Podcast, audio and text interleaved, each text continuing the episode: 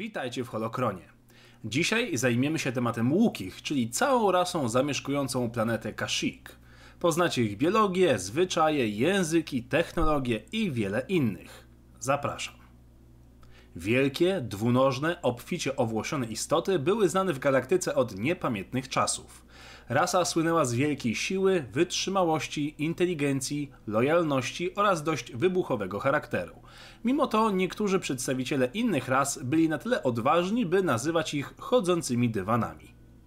W głębokich i mrocznych dżunglach Kashyyyk rozwinęła się zaskakująca cywilizacja. Liczące sobie średnio 2,1 metra wysokości łuki, żyli w symbiozie z otaczających ich światem, choć nie stronili od nowoczesnych technologii. Byli doskonałymi wspinaczami, głównie ze względu na cztery palce i przeciwstawny kciuk, który pozwalał im doskonale chwytać gałęzie liany. Z opuszków palców wysuwały się dodatkowe zakrzywione pazury. Ich oczy najczęściej przybierały barwę niebieską lub brązową, choć znani są przedstawiciele mające żółte, złote, a nawet czerwone tęczówki. Narząd węchu był wysoce rozwinięty i bardzo wrażliwy. Zdarzało się, że w przypadku wyczucia świeżego mięsa Łuki wpadał w coś w rodzaju delirium czy też w stan łowczego instynktu, nad którym ciężko było mu zapanować. Ich jamy ustne najeżone były ostrymi kłami na tyle mocnymi, by przebić się nawet przez skórę Trandoshian. Do tego wszystkiego rasa doskonale pływała, mimo bardzo ciężkiego i gęstego owłosienia, z którego chyba najbardziej słynęła. Samo słowo łuki oznacza zresztą zbiór futrzastych ras oraz ich podgatunków. Przykładowo w regionie Urokroro, czyli stolicy planety, mieszkał również gatunek ruoków, który był najczęściej spotykanym gatunkiem. To właśnie do niego należał osławiony Czubaka. Jeżeli jesteście ciekawi, czy zdarzali się albinosi w tej rasie, to tak, bywały takie przypadki, ale wiązały się one ze złym omenem, gdyż białe futro nijak się nadawało do polowania w dżungli, gdzie taki kolor natychmiast zwracał na siebie uwagę. Rasa oddychała tradycyjnym powietrzem z tlenem i jako jedna z niewielu ras mogła nabawić się astmy. Pojemność płuc była dość pokaźna, a poznać ją można było przykładowo przy słuchaniu ich specjalnych trąb, których obsługa wykraczała poza zdolności ludzi. Rasa była przy tym jedną z ras podatnych na działanie wirusa Blackwing, czyli imperialnej broni biologicznej projekt 171A, przemieniającej żywe istoty w zombie. Łuki spędzali głównie czas wśród czasz drzew roszyr, które naturalnie występowały na planecie i osiągały niesamowite rozmiary. Najmniejsze drzewa miały od 300 do 400 metrów wysokości, natomiast najwyższe dochodziły do 6 km.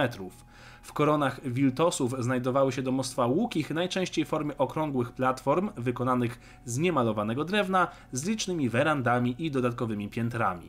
Cała struktura wisiała osadzona na gałęziach, a same drzewa z kolei były połączone splecionymi mostami. Wszystko to zbudowane było bez wykorzystania nowoczesnej technologii. Najbogatsze domy były osadzane bezpośrednio w środku pnia drzewa. Łuki, jak większość humanoidalnych ras, miała dwie płcie, męską i żeńską. Żeńska posiadała sześć piersi przeznaczonych do karmienia młodych, których ciąża wynosiła średnio pełny rok standardowy. Same noworodki zresztą także nie należały do najmniejszych. Boba Łukich miał już po urodzeniu prawie metr wysokości. Młody osobnik następnie bardzo szybko rósł, mogąc już chodzić o własnych siłach w ciągu roku. Następnie młodziaki trafiały do kółka opiekuńczego, gdzie wspólnie uczyły się życia w dziczy i polowania, nim wyruszą na łowy z rodzicami. Wracając na chwilę do wzrostu, nieliczni osiągali wzrost dochodzący do 2,3 metra. Legendy głoszą, że zdarzały się przypadki karłowatości wśród tej rasy, ale nie ma na to dowodów. Najstarsi przedstawiciele mają natomiast tendencję do lekkiego kurczenia się na ostatnie lata życia. Łuki byli dość długowieczną rasą, gdyż średnia długość życia wynosiła kilka standardowych stuleci. W okolicach wieku 12 lat przeprowadzano rytuał inicjacyjny, który wprowadzał młodych w nastoletnie życie. W zależności od regionu rytuał wyglądał nieco inaczej. Najczęściej polegał na zebraniu jedwabistych włókien prosto z paszczy mięsożarnej rośliny. Inna forma rytuału polegała na tym, że młodzi chłopcy przechodzili test wstąpienia zwanego hrtaik. W jego trakcie Łuki musiał znaleźć swoją wewnętrzną siłę zwaną Raktor. A znajdował ją ucząc się przeżycia w krainach cieni, niezwykle niebezpiecznej części planety obejmującej jej poziom zerowy, gdzie nie docierało światło słoneczne. W wieku lat 18 łuki byli postrzegani już jako dorośli, natomiast ich najlepszy wiek przypadał na wiek około 200 lat. Średni wiek to około 300 do 350 lat, starość zaczynała się od 350 do 399 lat, natomiast po 400 roku życia łuki był już uznawany za sędziwego czy wiekowego. Otaczano ich wielkim szacunkiem ze względu na ogromną wiedzę i doświadczenie, które zdobyli przez całe życie. Od wszystkich młodych łuki oczekiwano znalezienia i rozpoczęcia kariery, która zapewni im stały dochód oraz założenia własnej rodziny. Co do charakteru łukich. Przez większość czasu są oni niezwykle spokojni czy wręcz delikatni, jednak w momencie sprowokowania ich lepiej nie być w skórze ich oponenta. W przypadku przegranej choćby w karty, łuki mógł dostać prawdziwego szału. Dlatego należy uważać, by takiego łukiego nie rozzłościć. Po prostu szkoda swoich kończyn. Słów parę o samej kulturze i społeczności. Łuki byli monogamistami. Wybierając partnera, wybierali go na całe życie. Rodziny wychowywały najczęściej dwoje lub troje potomków, nie było tu jednak zasady i jedynacy także byli mile widziani. Nierzadko też ojciec rodziny znikał na długie miesiące czy nawet lata, by zarobić dla rodziny i nie było w tym niczego dziwnego. Wychowanie potomka powierzano wtedy matce oraz przyjaciołom rodziny.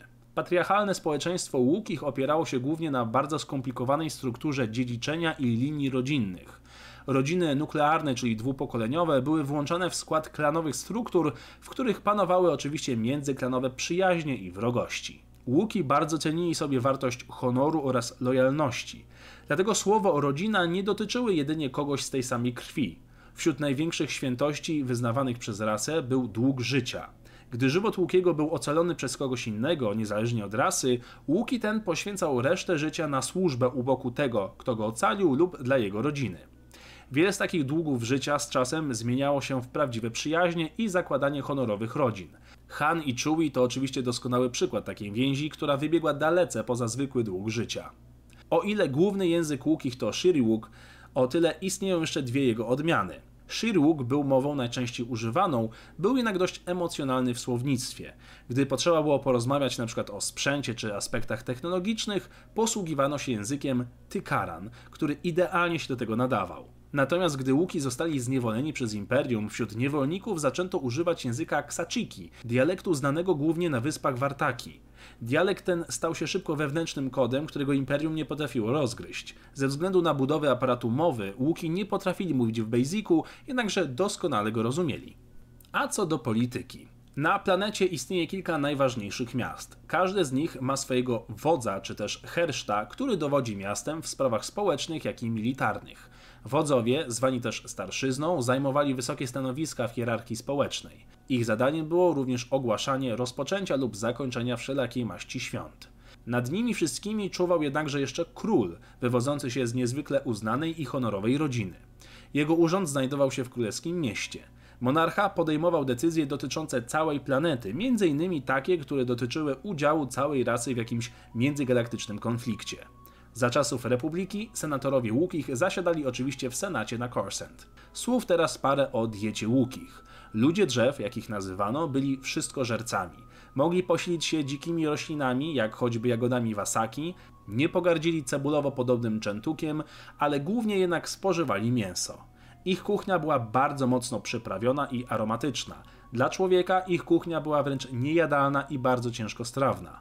Łuki nie gardzili także trunkami alkoholowymi i często spożywali m.in. akargam, czyli likier na bazie grzybów, a także raczyli się garmorlem, czyli alkoholem na bazie suszonych kości. Można tu jeszcze dodać drinka zwanego grakkynem, będącym trunkiem na bazie owoców i ich miąższu i stanowiącym główny składnik koktajlu zwanego wroktik. Wszystkie te trunki, łącznie z tchikańską brandy, były absolutnie niespożywalne przez człowieka ze względu na ich moc.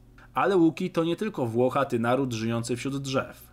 To także doskonali mechanicy i spece od technologii. Od najmłodszych lat młodzi uczą się rzeźbiarstwa, dzięki czemu ich ręce są bardzo zręczne i doskonale radzą sobie z delikatną robotą przy naprawach.